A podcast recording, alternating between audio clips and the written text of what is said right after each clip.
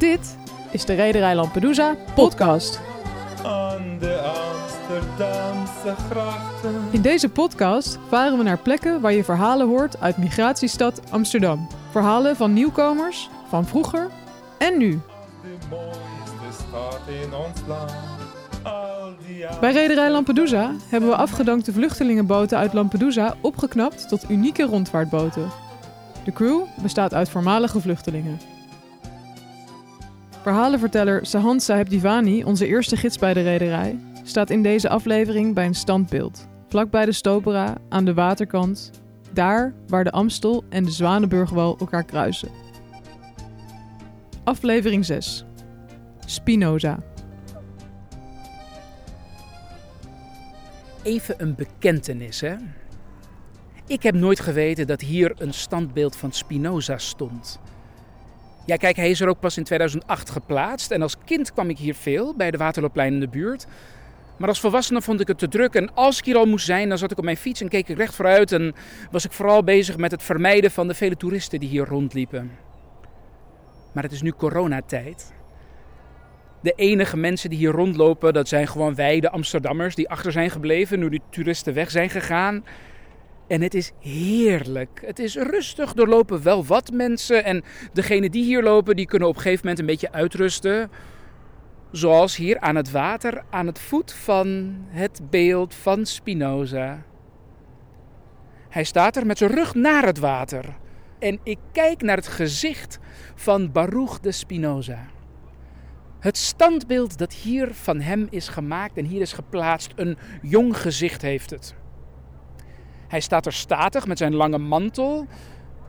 Er staan eh, vogels op zijn mantel en rozen. En die vogels, dat zijn mussen, doodgewone Hollandse mussen en parkieten, migranten. En heel symbolisch natuurlijk, zitten ze heel vredig naast elkaar op die mantel van Spinoza. Spinoza die staat voor het succesverhaal van de migrant. Zelf is hij dat niet, hij is hier geboren, maar zijn ouders en grootouders waren dat wel.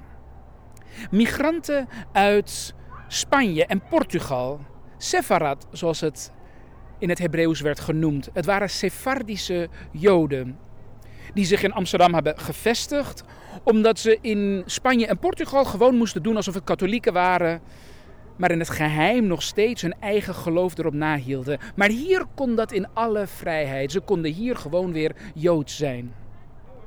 Het kind Spinoza, toen hij werd geboren, werd genoemd Baruch in het Hebreeuws, of Bento in het Portugees, of Benedictus in het Latijn. Drie verschillende namen die met een B beginnen en ze betekenen ook eigenlijk hetzelfde: zegen. Een zegening. En dat is wat de vader en moeder van Baruch de Spinoza moeten hebben gevoeld toen zij hun kind, hun nazaat, hier in het vrije Amsterdam in hun handen hadden. Want Amsterdam was ook een zegen, een plek waar ze vrij konden zijn, een plek waar ze hun eigen geloof konden beleiden. Baruch de Spinoza werd in 1632 geboren. Een stad die hem zou voeden met vrijheid maar ook de plaats waar hij verbannen zou worden uit zijn Sephardisch-Joodse gemeenschap. Een stad bovendien die meer door zijn gedachtegoed gevormd is dan dat hij had kunnen bevroeden. Baruch sprak als kind Spaans en Portugees en woonde in de Joodse buurt rond het Waterloopplein. In zijn schooljaren leerde hij onder meer uit de Torah. Al snel ziet hij in dat de tekst zozeer de mensengeest verraadt onmogelijk door God geschreven kan zijn of door God kan zijn geïnspireerd. Na zijn schooljaren bestudeerde hij de overgeleverde geschriften. Hij concludeert dat ze niet waar zijn en noemt ze uitvindingen van de menselijke fantasie. Het is het begin van het dwarse brein van de filosoof. Als tiener maakte Spinoza mee dat de 80-jarige oorlog met Spanje eindelijk ten einde kwam en er in Holland zelf een conflict ontstond tussen koningsgezinden en republikeinen. Hij werkte inmiddels in het familiebedrijf. Een winkel met geïmporteerde goederen in de Jodenbreestraat en was daarmee een buurman van Rembrandt. Geïnspireerd door de liberale sfeer van Amsterdam, het werk van zijn tijdgenoot Descartes en de politieke gebeurtenissen in Holland ontwikkelde hij zijn denken rond staat, religie, moraal en vrijheid. Voor Spinoza moest er logischerwijs een God zijn. Hij geloofde niet in een universum zonder goddelijkheid. Maar zijn godsbegrip was niet theïstisch. Hij geloofde niet in een God die zich bezighoudt met de mens, of zelfs op een mens lijkt. Voor hem is alles deel van God. De natuur en alles in onszelf. Andere ideeën richten zich op de scheiding van kerk en staat. Volgens Spinoza zijn beide ficties die mensen nodig hebben. Tenzij ze volledig rationeel zijn, dan zouden ze niet geregeerd hoeven te worden, bestraft of in het gareel gehouden te worden door de moraal van religies. Religie was in zijn ogen dan ook zeker nuttig, maar iets fundamenteel anders dan de rationele zoektocht naar de waarheid. Zijn vrijdenkerij, gezien als ketterij, werd niet gewaardeerd door de Joodse gemeenschap, die eindelijk een veilige haven had gevonden na decennia lange religieuze vervolging.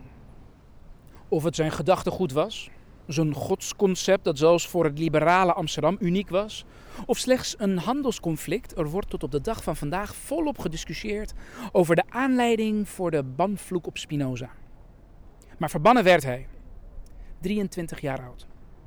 Vanaf het moment dat deze vloek in 1656 over hem werd uitgesproken, mocht niemand uit de Joodse gemeenschap contact met hem hebben, handel met hem drijven of geschriften van hem lezen, ook zijn eigen familie niet. Het schijnt dat hij niet tegen deze vloek in beroep is gegaan, maar de verbanning met een soort opluchting onderging. Hij heeft zich ook nooit bekeerd tot een ander geloof. Waarschijnlijk was het voor hem een bevrijding.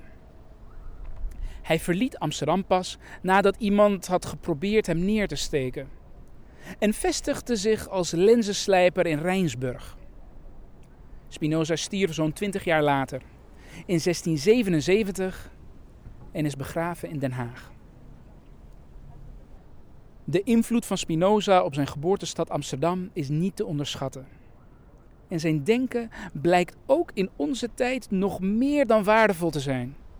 Hij was bijvoorbeeld de eerste, lang voor Montesquieu, die een scheiding tussen kerk en staat voorstond. Hij staat inmiddels bekend als Amsterdams en misschien wel Nederlands bekendste filosoof.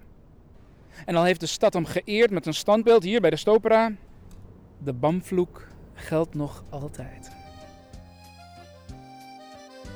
Deze podcast werd gemaakt door Param Sadeghi, Mo Almasri, Sahand Saheb Divani, Teun Kastelein, Daphne Grotink, Katinka Beer, Tommy Sharif en door mij, Verlies Pleiter.